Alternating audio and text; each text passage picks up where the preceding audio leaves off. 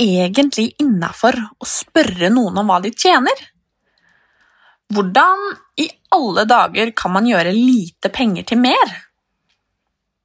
Hvor mye må man ofre for å få råd til det man vil? Vel, alt er relativt. Noen syns det er helt greit å være åpne om hva de tjener. Andre syntes ikke det. Noen er veldig opptatt av å spare der det spares kan, mens andre brukes der det brukes kan. Noen må ofre en hel del for å spare, mens andre ikke må ofre noe som helst. Det kommer jo også helt an på hva man ønsker seg. Én ting er i hvert fall sikkert, og det er at økonomi er vesentlig og viktig for oss alle. Noen syns økonomi er kjempekjedelig, noen syns det er vanskelig, og noen syns det er ordentlig gøy og enkelt. Lise, dama bak Pengesnakk, er en av de, og hun er helt rå på sparing. Mange tror kanskje at man må ha mye for å spare, og i hvert fall om det skal bli til mye til slutt. Men eh, for noen så kan jo kanskje det å droppe den kaffekoppen til 50 kroner hver eneste dag utgjøre store summer. Faktisk så kan det utgjøre 18 250 kroner i året. Og på ti år 182 500. Mange mener jo at det ikke er vits å spare den femtelappen, men ikke kom her og si at nesten 200 000 kroner ikke er mye penger. Men om det gjør deg lykkelig, så syntes Lise du skal drikke den kaffen. Om ikke, så kan du like godt droppe den. Hvordan og hvorfor får du høre snart. For i dag så prates det om økonomi, sparing og hva både du og jeg kan gjøre for å rydde i økonomien vår. Det kan jo godt hende at noen av oss trenger eh, å rydde litt, og at det er en fin start på det nye året å skulle sette oss et sparemål. Og du, bare for å ha det sagt, jeg er i beste fall elendig på tall. Og jeg veit at det kan virke som, som, at man må være dødsgod på tall for å klare å spare. At man må skjønne disse grafene. Å, herregud, det virker jo nærmest helt umulig. Men slapp helt av. Verken du eller jeg må være dødsgod på tall. Det går fint an å spare for det. Og det skal Lise fortelle oss litt om nå.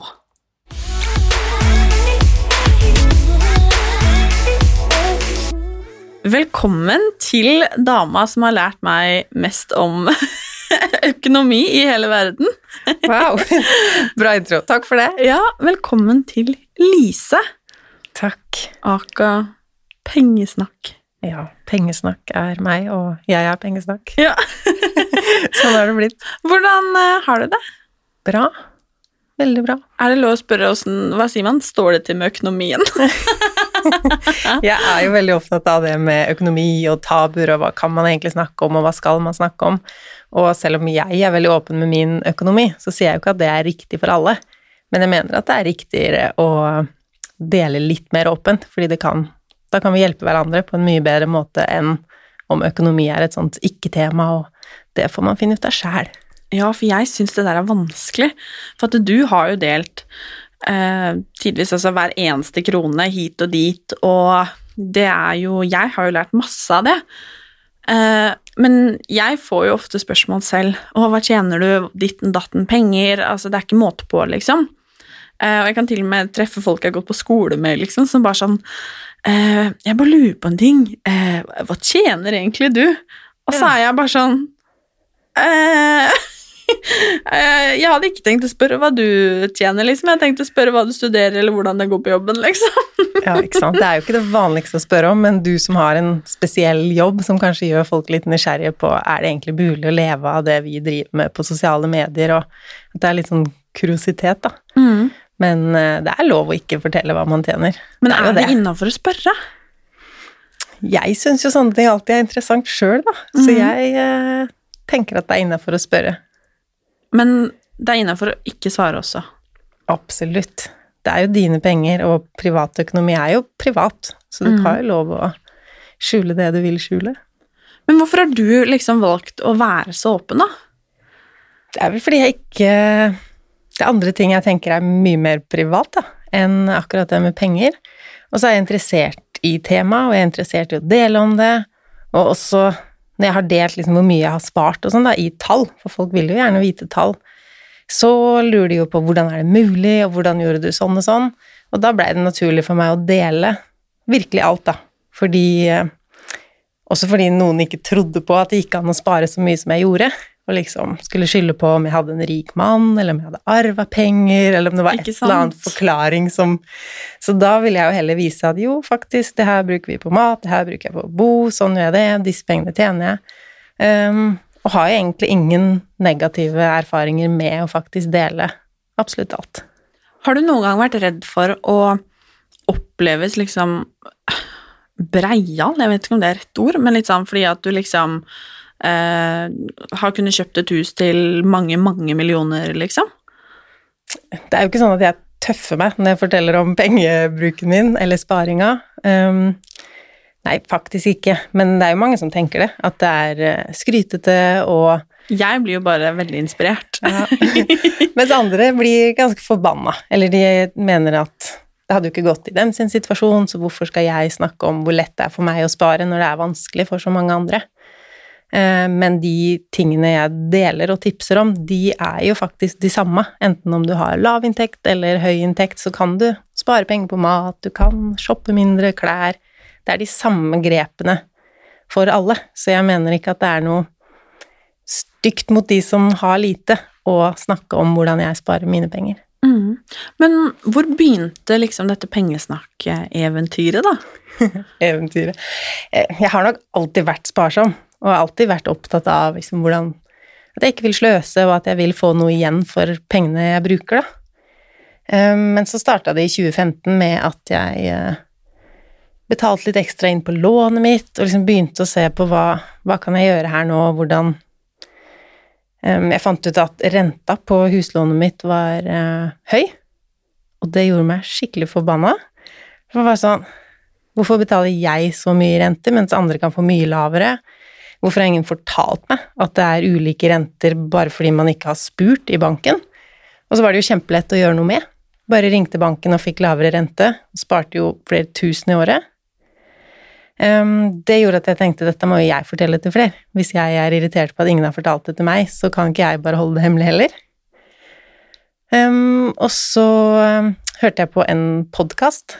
Uh, hun blondinbella, Blondin-Bella, Isabella Løvengrip i Sverige, som hadde en podkast i gamle dager, kan man si nå, om eh, penger, og de snakka om forskjellig, hvordan man skal fordele regninga på kafé og Så var jeg ikke helt enig i alt de sa, samtidig som de forklarte ting på en måte som Altså, de sa at å kjøpe et fond er som en konfekteske med aksjer. Tenkte jeg wow, hvorfor er det ikke flere som snakker om penger på den måten? Eller jeg prøvde liksom å google, jeg ville ha mer av det, da. Og så fantes det veldig lite, så da måtte jeg starte det sjøl. Det er kult, da. Men hvordan begynte liksom Hva skal man si Spare Hvordan begynte du å spare? Hvordan har du klart på en måte å nå målene dine, da? For jeg vet jo at det er veldig mange som eh, Altså, økonomien til folk er jo superforskjellig. Noen har eh, litt, noen har mye, noen har akkurat passe, og noen har litt for lite. Ikke sant? Det er jo, det er jo bare sånn det er. Og da lurer jeg på hvordan fikk du liksom ja. Mm. Jeg er jo veldig opptatt av at småpenger, altså at man kan spare fra ganske små, at man må ikke ha mye for å begynne å spare. Eh, og jeg begynte å spare aktivt når jeg var 15, av den ene grunnen at mamma fortalte meg hva huset vårt kosta. Og når jeg fikk vite at et hus kosta én million kroner, som det gjorde da, da jeg vokste opp, det var bare en så høy sum at jeg tenkte det er jo helt umulig. Her får jeg 100 kroner i ukelønn. Hvis jeg noen, en dag skal ha mitt eget hus, så trenger jeg én million. Nå er det bare å begynne å spare. Eh, så det første sparemålet mitt var jo hus, og det har jeg kjøpt nå. Med disse hundrelappene i ukelønn? Jeg begynte å jobbe da jeg var 16, mm. Eh, og da sparte jeg alltid halvparten, og så brukte jeg halvparten. Mm litt mindre enn halvparten. Jeg begynte jo noen ganger å spare litt av det beløpet òg. For jeg var den eneste i vennegjengen min som jobba. Så selv om jeg sparte halvparten av lønna mi, så var jeg jo fortsatt den som hadde mest å bruke. Mm. Så det var ganske lett å spare, men det var jo små summer òg. Og jeg var jo mange som sa 'hvorfor gidder du å spare nå når du tjener 4000 i måneden', det er jo mye lettere å spare når du er voksen og har en ordentlig jobb. Men av to grunner så er jeg veldig uenig i det, da. For det første så blir det store summer av de småpengene når man sparer de hver eneste måned. Og for det andre så er det den sparevanen. At når hadde jeg plutselig tenkt at nå er jeg rik nok til å spare, nå har jeg en ordentlig jobb, for det er veldig lett å bare utsette det og tenke at nå har jeg studentøkonomi, nå kan jeg ikke spare. Nå har jeg nettopp kjøpt bolig eller sparet leilighet, nå kan jeg ikke Men man kan alltid spare noen 20-kroninger og hundrelapper, og så over mange år så blir det penger. Ja, for jeg tror veldig ofte at man hører om liksom aksjer, fond, og jeg har jo først begynt å sette meg inn i disse tingene for kanskje et halvt år siden eller noe sånt. Um, men det høres jo kanskje for mange eh, ganske skummelt ut, eller utfordrende ut, eller at det liksom At man må ha mye penger for å spare. Ja, og dette med aksjer og fond, jeg var livredd for aksjer. Tenkte jeg er jo opptatt av trygghet, jeg vil jo ha pengene mine, jeg vil ikke risikere å tape dem. Og med en gang man prøver å researche litt rundt fondssparing eh, og aksjer, så kommer man jo borti ord som risiko, og det er liksom ja, det er lett å bare trekke seg og tenke dette er ikke noe for meg. Jeg er ikke en investor, det er liksom ikke sånn man ser for seg en som investerer på børsen. Men um, Og jeg tror det er en litt jentegreie òg, kanskje, at vi trenger masse informasjon før vi tør å gjøre noe. I hvert fall var det sånn for meg at jeg leste masse, masse, masse. Og så skjønte jeg jo at risiko betyr jo bare mulighet for avkastning. Og at pengene mine kan tjene penger til meg ved siden av de pengene jeg tjener ved å jobbe.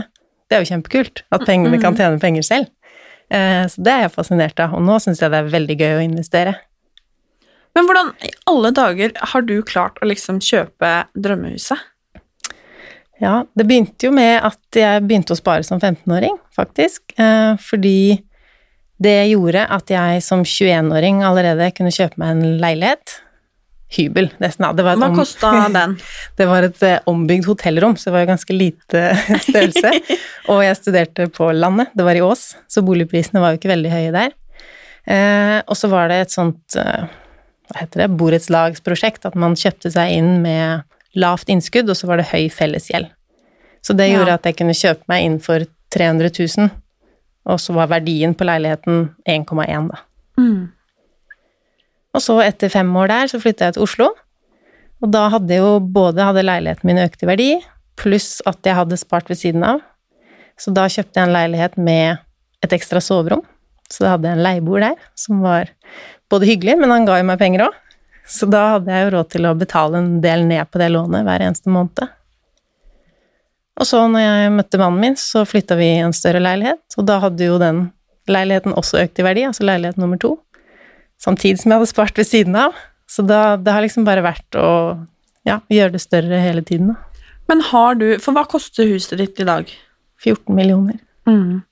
Har, har, du liksom Da tenker man jo oi, 14 millioner, da må man ha masse penger, man må ha en jobb der man tjener masse penger. Men du har jo egentlig ikke hatt det.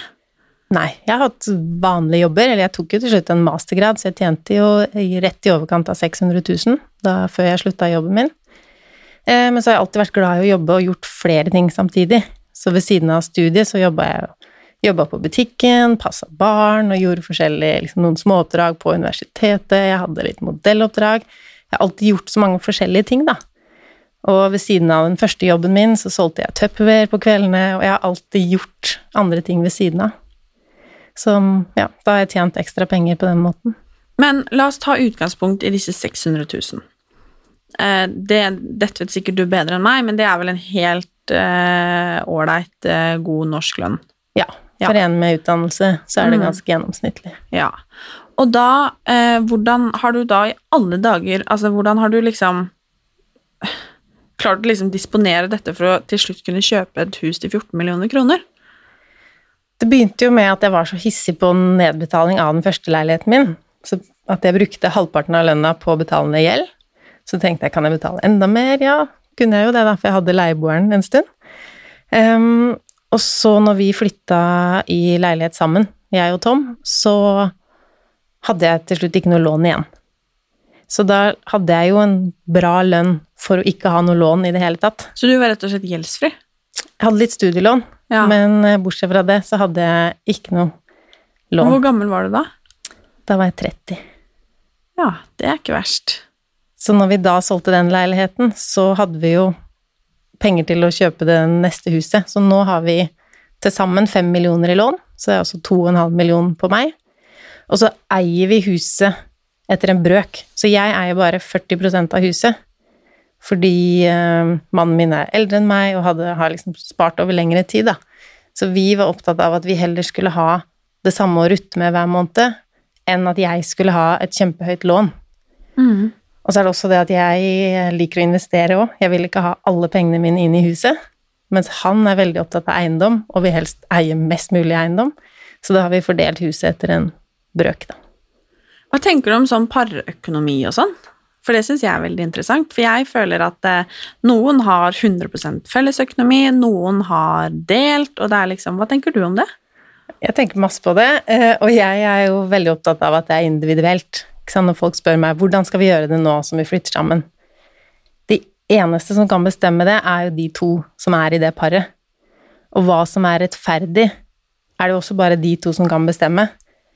For noe som kan føles rettferdig for ett par, kan føles helt urettferdig for et annet par. Noen syns jo det er en best løsning at man betaler prosentvis fra det man tjener. Um, andre tenker jo mer på hva man bruker. Altså hvis det er en som spiser veldig mye mer mat, så er det ikke riktig å dele 50-50 på maten. Men å i hvert fall ha laga seg et system og prata om det, er jo kjempeviktig. Ellers så tror jeg det fort blir sånn at begge syns de har brukt mest på matbutikken eller ting til fellesen. Fordi man merker jo mye mer de pengene man selv bruker, enn de partneren bruker. Mm. Så vi har et system der vi regner veldig masse. Vi hadde nok ikke gjort det hvis det bare var Tom i det forholdet, for han kunne nok sikkert hatt eh, fellesøkonomi på alt, men jeg er så nøye på Jeg vil jo spare, jeg vil liksom gjøre ting, og da slipper jeg å irritere meg over at han kjøper sjokolademelk og skolebrød, eller at han drar på guttetur, for da har på en måte ikke det noe med min økonomi å gjøre, da. Mm. Og så deler vi 50-50 på alt som er til barna, eller til oss, da, felles. Tror du at eh, fellesøkonomi, eller økonomi generelt, er grunnen til mange altså, diskusjoner i samlivet? Jeg leser jo om det. Jeg kjenner jo ikke igjen det fra mitt eget liv. Um, men derfor tenker jeg også at åpenhet rundt penger er en veldig viktig ting i forhold. Både sånn hva man bruker, men også hva drømmer vi egentlig om. Og heldigvis er jo begge vi opptatt av å bo fint. For det ødelegger jo for en del av sparemoralene mine at så mye penger går til bolig. Nå i tillegg til at huset er dyrt, så pusser vi opp, og det flyr jo penger ut. Men jeg er så opptatt av å ha det fint hjemme at jeg syns det er helt riktig ting å bruke penger på for meg, da. Mm. Og heldigvis er vi like der, så det er ikke noe sånn at en av oss kunne heller ønske vi dro på masse ferier. Nei, ingen av oss er så opptatt av å reise. Ingen av oss er så opptatt av å gå på restaurant. Men begge er opptatt av å bruke penger på interiørting og Så det er veldig fint. Mm. Men hva er egentlig Altså, hvordan Hva Hva lurer du på nå, Martine? Jeg lurer på alt. Ja. Jeg lurer på hva, hva gjør jeg? Hvordan eh, kan jeg liksom spare med minst mulig? Hvordan kan man spare med mest mulig? Hvordan liksom For alle vil jo ha mest mulig penger. Ja. Uavhengig av egentlig hvor mye penger man har. Og så er det litt sånn Føler du deg rikest når du bruker penger, eller når du har penger? Og jeg er jo definitivt den siste. Jeg føler meg jo mye mer trygg, og når jeg har sparepenger, når jeg har de mulighetene det gir meg, enn når jeg splæsjer masse penger på Da føler jeg meg heller fattig når penger renner ut overalt. Eh, men hvor man skal starte, eh, er jo egentlig bare å starte. Og mange tenker jo at, som jeg snakka litt om i stad, det med at hvis jeg bare sparer noen hundrelapper, så har jo ikke det noe å si. Men det har absolutt noe å si. For den dagen eh, Typisk eksempel, men den dagen vaskemaskinen ryker, så er det jo mye bedre å ha spart opp 1200 kroner enn om du har null. Og eh, når du skal reise på en ferie Du må tenke litt på hva du har lyst til å oppnå. Det må du planlegge ganske lenge før. Sånn som når man har lyst til å kjøpe seg egen bolig. Da er det, det er ikke for seint å begynne å spare da, men da kan du ikke kjøpe deg bolig neste måned. Det tar, du må ha litt horisont og litt tid på det. Og jeg tror aldri noen har angra på at de har spart. Det er bedre å spare litt før en drøm oppstår, enn um, ja, at man alltid ligger etter, da. Men hvilke aktive valg tar du i hverdagen for deg? Jeg vet jo at du har noen sånne sjekklister og sånn. Ja, et av sånn beste tips er å ha automatisk sparing. At du setter en avtale med nettbanken din eller en spareapp. At et beløp blir trukket fra kontoen din hver gang du får lønn. Det er den absolutt beste dagen å spare på, fordi da er det jo penger på kontoen. Eh, og de blir borte til sparing med en gang, sånn at du heller får justere forbruket litt ned. Eh, og så syns jeg også det er viktig å ikke spare for mye. Um, jeg har jo spart mye, men jeg begynte jo ikke med å spare 70% av lønna mi. Jeg begynte jo med å spare halvparten, det gjorde jeg jo da, men det, det var litt annerledes da, som ungdom, fordi jeg hadde jo ingen utgifter. Men skal man begynne, hvis man er vant med å bruke opp alle pengene sine hver måned, eller kanskje litt mer, så kan man jo ikke begynne med å spare halvparten av lønna, fordi da, ja, det blir jo bare feil. Eh, men begynn med å spare en prosent eller to. Det høres så lite ut, men da er man i gang, og så finner man ut at det går jo helt fint. Mm. Da kan jeg øke litt neste måned, da. Kanskje det går fint òg. Og så rekker man å justere ned Velge bort litt ting, da. For det er jo både sånn Ja, pengene er borte, du får ikke brukt de, men så kan du ta mer aktive valg som å Bruker man egentlig Spotify og Netflix og HBO? Trenger man alt? Eller kan man bytte på at man en måned har HBO og ser alt man vil der, og så har man kanskje neste måned TV2 Sumo og ser alt man vil der. For disse tingene er jo sånn man kan bestille og avbestille ettersom. Og så har du en sånn eh, regel, holdt jeg på å si, for deg selv. Eh, gjør dette kjøpet meg lykkelig? Ja. Og det har jeg tenkt mye på. Når Ja. Hvis jeg liksom kommer eh, Altså, forbi en genser, for eksempel, da, som jeg bare Oi, den var fin. Så har jeg liksom begynt å tenke sånn Kommer jeg til å bruke denne her så mye at det er verdt det? At det liksom, jeg kommer til å bli glad for å ha den i skapet. At jeg kommer til å gå og tenke på at åh, den skal jeg ha på meg i kveld, liksom, eller etterpå, eller ja. Er svaret nei? Nei. Da er det ikke verdt det. Nei. Og det har jeg lært av deg. Ja. Nei, det er en veldig fin regel hvis man faktisk tør å bruke den, for mange tenker at det føles jo litt sånn eh, skal jeg si Jalla eller hippieaktig å liksom spørre om alt gjør, gjør deg lykkelig. Du man spør jo kanskje ikke om den melkekartongen på butikken gjør deg lykkelig, liksom, for den gjør deg jo Ja. Den, Jeg mener at du kan spørre det om alt. Fordi det er, Gjør du det? det er jo ikke noe vits i å kjøpe noe som ikke har verdi i livet ditt. Du kan kutte ut alt, da. Kutte ut alt som ikke gjør deg lykkelig. Det er jo sånn du får en høy eh, sparerate. Men hva om man da, som meg, er veldig glad i å shoppe, eksempel. Hva kan jeg gjøre, da, for å liksom både kunne shoppe og spare mest mulig? Har du noen sånne knagger? Jeg er jo opptatt av at man skal sette opp verdiene sine litt i system, og finne ut hva er det jeg egentlig er opptatt av. Sånn som jeg snakka om i stad, vi er jo ikke opptatt av reising og restaurant i min familie, men vi er opptatt av interiør. Eh, Og det betyr jo ikke at det er riktigere å kjøpe lamper og sparkel enn å dra på tur, men for meg er jo det riktigere.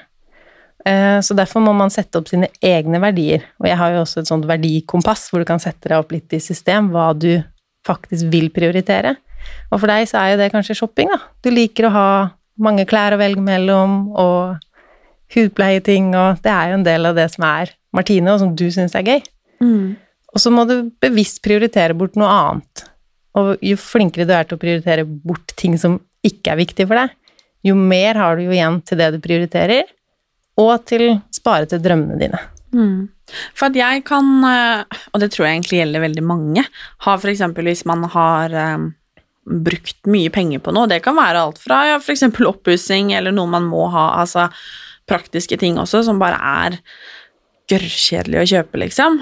Eh, og bare ah, fy søren, har jeg brukt mye penger. Ah, og det kan gjøre vondt langt inn i hjertet, liksom. Har du liksom, føler du noen gang på den følelsen? Nei, faktisk ikke. Gjør du ikke det? Herregud, så deilig. Fordi jeg prioriterer jo bort mange ting veldig bevisst. Så det jeg bruker penger på Eller det gjør jo at jeg alltid har råd til det jeg faktisk har lyst til å prioritere. Um, så det er jo noen ting jeg tenker Å, det var litt dyrt, men da vil jeg jo virkelig ha det, og da syns jeg det er verdt prisen. Mm. Så jeg kommer ikke på noe jeg liksom har kjøpt som jeg angrer veldig på, eller har fått vondt i magen av. Sånn. Det gjør jeg i hvert fall. Ja. Eller i hvert fall sånn som jeg tenkte bare sånn Å, Søren at jeg kjøpte den der, liksom. Mm. At det var ikke vits. Men da har jeg også lært eh, en annen ting av deg. Denne celle, hva er det, hund... Nei, Selge 100. 100. Ja. Mm. Det starta jo som en utfordring bare for meg og mannen min, at vi skulle kvitte oss med ting hjemme. Fordi jeg blir så stressa av ting. Da. Jeg blir stressa av rot, og jeg ville ha ting ut av huset. Og jeg er jo alltid glad i å selge og kjøpe ting brukt. Eh, Så det var ikke sånn mange kjempedyre ting jeg hadde stående klart til å selges. Så tenkte jeg at hvis jeg klarer å selge 100 ting, så gjør det jo ikke noe om noen av de er småting. I løpet av hvor lang periode? et år. Mm. Så hvis jeg selger ting for 100 kroner og 150 kroner, så føles det kanskje meningsløst da, for det tar jo litt tid. Ta bilde av ting, lage en annonse, avtale at noen skal hente det. Men når det blir såpass mye, så blir det jo penger ut av det òg. Mm. Så det er veldig gøy, for det er jo så mange som har slengt seg på den utfordringen, og som driver med det. Selger unna.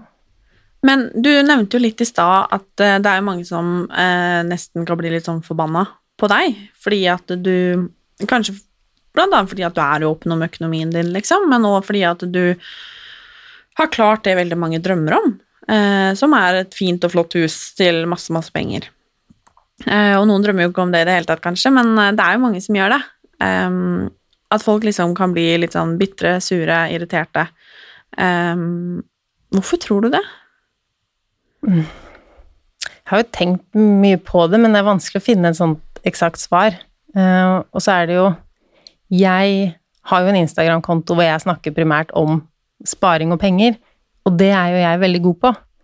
Jeg legger jo ikke ut der hver dag jeg ikke trener, eller hver dag jeg ikke spiser sunt, eller hver dag jeg ble stressa og kjefta på ungen min. Jeg forteller jo ikke så mye om hva jeg ikke er god på. Og akkurat penger og økonomi, det er jeg god på. Og det Ja, det kan være kanskje provoserende, men så prøver jeg å være mer inspirerende, da. At folk kan få til det samme. Fordi, som du sa, jeg har ikke hatt noe kjempehøy lønn. Det er jo ingenting som skulle tilsi at jeg har råd til det jeg har råd til. Men det handler igjen bare om å prioritere, og kanskje enda mer om å prioritere bort. Mm. Ja. Jeg sitter nå og tenker på alt jeg liksom kan bli sånn Hm, der kan jeg kutte litt. Ja, der. Det kan jeg bli litt flinkere på. Ja, kanskje jeg skal selge den der hersensgenseren som jeg angrer på at jeg, angrer på at jeg kjøpte. Ja. Um, det, Det som er fint med å selge unna ting òg, er jo at det øker veldig bevisstheten rundt hva man drar inn. Altså, det var jo ikke noen kjempegøy jobb å selge 100 ting. Eller jeg solgte faktisk bare 97 ting, så det var én ting jeg ikke klarte. Men da blir man mye mer bevisst på skal jeg gidde å kjøpe noe som jeg da må ta jobben med å selge igjen neste år. Eh, og man blir mer bevisst på hva man faktisk vil ha igjen av ting. Så det er en nyttig øvelse sånn, sånn sett òg. Mm. Det er jo veldig inspirerende, men jeg kan jo forstå at eh, hvis folk sitter og føler at det Penga bare flyr, liksom, at det kan uh, føles litt sånn irriterende at noen på en måte har så god kontroll. Er det enda en ting i livet vi skal ha kontroll på, liksom? Men det er jo ekstremt viktig. Jeg tror vi er litt forskjellige der òg. For meg så er det ekstremt viktig å ha økonomisk trygghet. Men økonomi er, det er jo viktig, Ja, er det ikke det, da?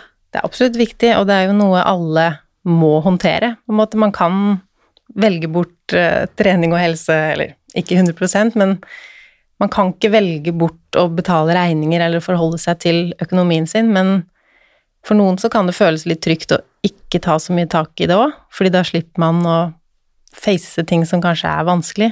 Og økonomi høres jo både kjedelig ut og vanskelig ut. Eh, Men med en gang man begynner å ja, lese litt og skjønne seg på ting, og at man kan ta noen grep uten å skjønne alt om liksom pensjonssparing og samboeravtale og fond og aksjer. Man må jo ikke begynne der. Man kan jo begynne med å spare til en ferie og se hvor gøy det er, og heller dra på ferie uten kredittkort og dårlig samvittighet, men at man faktisk har oppnådd noe i økonomien sin, da. Og så kan man bli interessert i mer spennende ting som renters rente og sånn etter hvert. Men det er jo snart eh, nytt år og nye muligheter. Og det er en eh, gyllen mulighet til å kanskje enten ta tak i økonomien sin, ta opp telefonen og ringe banken og høre åssen det egentlig står til. Jeg husker veldig godt når jeg hadde mm, kjøpt min første bil, så eh, var lånet på den bilen Jeg husker ikke eksakt hva det var på, men det var skyhøyt. Eh, forhold til f.eks. pappa. Det var mye med at jeg var ung, og, eh, og at det var min første bil. Man veit jo ikke, ikke sant? Nei, eh, og jeg Åh, dette burde jeg visst, men jeg tror Jeg vet i hvert fall hva jeg sparte. For jeg satt og tenkte at eh, dette er dyrt. Dette har jeg ikke lyst til å betale, liksom. Dette er ikke verdt det. Og da tok jeg opp og ringte til en annen bank og sa hei, hei, du, dette betaler jeg på bilen min. Ehm, på fem minutter hadde jeg spart 8000 kroner i året. Og det var liksom min første sånn aha-opplevelse. Det å ta tak i det 8000 det er mye penger, altså. Mye penger, og så er det liten jobb. Mm, det det tok bare sånn- fem ja. minutter. Det tok ikke det engang, ikke sant? Nei, og det høres liksom så vanskelig ut å skulle gå gjennom forsikringer. Ja, akkurat det kan være litt komplikado, faktisk, men å sjekke disse lånebetingelsene og finne ut mobilabonnementet, betaler jeg for riktig abonnement, på en måte, har du altfor mye data, eller har du for lite, sånn at du kjøper sånne datapakker, og sette seg inn i sin egen økonomiske situasjon og bare ta noen sånne bevisste valg. Det er jo gøy når man skjønner at her sparte jeg, eller her gjorde jeg noe smartere. Vi hører jo ofte om liksom, rydde i klesskapet, rydde i boden, alt dette her, men kanskje liksom 2021 er året for å faktisk rydde i egen økonomi? Det skal vi slå et slag for. Ja. Ja. Men da lurer jeg på, har du noen sånne, skal vi si, fem tips til eh, Fem tips. de som ja, enten kanskje har begynt å spare, men trenger litt hjelp, eller de som tenker nå at vet du hva, jeg skal rydde, jeg skal begynne å spare, om det så bare er den kaffekoppen i uka, liksom, så skal jeg begynne å spare. Har du noen tips? Det første må jo være det automatiske trekket. Eh, fordi ikke bare så blir eh, Det er så enkelt, da, når bare pengene går til sparing av seg selv, for da slipper du å komme på det tolv ganger i året eller oftere. Da det bare går av seg selv. Eh, og så aktivt velge bort noe, sånn at du føler litt på den følelsen nå, at du har, eh, du har valgt bort snusen eller Netflixen eller kaffen eller et eller annet som du aktivt velger bort. Um, og så det med avtaler, ja. Om det er mobilabonnementet som skal undersøkes, eller om du har et eh, lån, så er jo det med renter en veldig Det er så enkelt, men så er det så innbringende, og det kan kanskje gjøre deg interessert i å ta enda flere grep også. Um, selge unna utfordringen. Jeg syns vi kan nevne det nå, fordi det Ikke bare får du inn penger, men du får ut litt rot og får opp bevisstheten rundt ikke bare hvor lett det er å selge ting brukt, men når du begynner å selge ting brukt, så skjønner du at du kan jo få tak i alt mulig brukt òg. Folk legger jo ut de rareste ting. For da, da kan du få inn den vanen med å sjekke brukt før du kjøper noe av det du ønsker deg. Og det er jo en litt mer komplisert måte å handle på, fordi det er ikke bare å gå inn på en butikk og så kjøper den, men det at den prosessen blir litt større, da. Hvis du begynner Ja, jeg ønsker meg en sånn og sånn kåpe. Og så begynner du å måtte se etter den brukt. Kanskje ikke du finner den helt, må legge ut noen søk. Du rekker å tenke gjennom den kåpa veldig mange flere ganger, da. Er det virkelig dette jeg ønsker å bruke penger på? Og eh, hvis svaret er ja, når du endelig finner den, så er den jo mye rimeligere enn i butikken når du kjøper den brukt. Så det å venne seg til å kjøpe ting brukt, det er jo både miljøvennlig, men absolutt bra for lommeboka òg. Og så er det kanskje å sette seg et mål. For jeg syns jo det er gøy å spare bare av seg selv, men jeg skjønner jo at det er litt rart, og kanskje ikke for alle. Men å ha mål om at den neste jula skal jeg ikke bruke kredittkortet, eller til sommeren skal jeg reise et sted, eller neste år skal jeg kjøpe meg bil, og bare halvparten skal være lån, eller kanskje ingenting skal være lån. Å ha et sparemål gjør det jo mye mer motiverende å spare, fordi da kan du alltid veie ting opp mot det, da. Hvis du liksom lurer på om du skal gå på Subway og spise lunsj selv om du har med deg matpakke, eller hver eneste liten ting, da. Skal jeg bruke penger på det, eller skal jeg spare til den bilen? Mm. Da har du hele tiden noe å veie opp mot, og da kan det være mye mer motiverende enn ja, da står det 53 kroner til på sparekontoen. Det er kanskje ikke nok motivasjon i det for så mange. Mm. Og det å stille seg selv spørsmålet Blir jeg lykkelig av den kaffen her nå? Gjør denne buksa her nå at jeg får et bedre liv, at jeg blir gladere? Eller eh, ja, kanskje jeg skal ha litt mindre mobildata og gå litt mer tur i skogen? Og det som er så fint med nå, er jo at de tingene du faktisk ender opp med å kjøpe, da, da har du jo sagt til deg selv at det her er noe som skal gjøre meg lykkelig. Så la oss si det er et mobildeksel eller hva det er. Så hver gang du ser den tingen, så i hvert fall opplever jeg det, at da blir jeg mer lykkelig, for jeg har sagt at dette er et gjennomtenkt kjøp, dette gjør meg glad, jeg står innenfor for det, jeg skal ha det. Og da blir alt man kjøper, faktisk bedre òg. Mm. Kult. Tusen takk for at du ville komme og inspirere meg og de som lytter, til å forhåpentligvis ja, rydde litt i økonomien og forhåpentligvis sette i gang med både store og små sparemål. Det høres ut som et ork, men det er veldig gøy, som du sier, når du finner en ting du kan spare penger på. Mm. Kult. Tusen, tusen takk. Takk for meg. Det var veldig hyggelig at du ville komme. Og så husker vi på det, da, folkens. Blir jeg lykkelig av det her?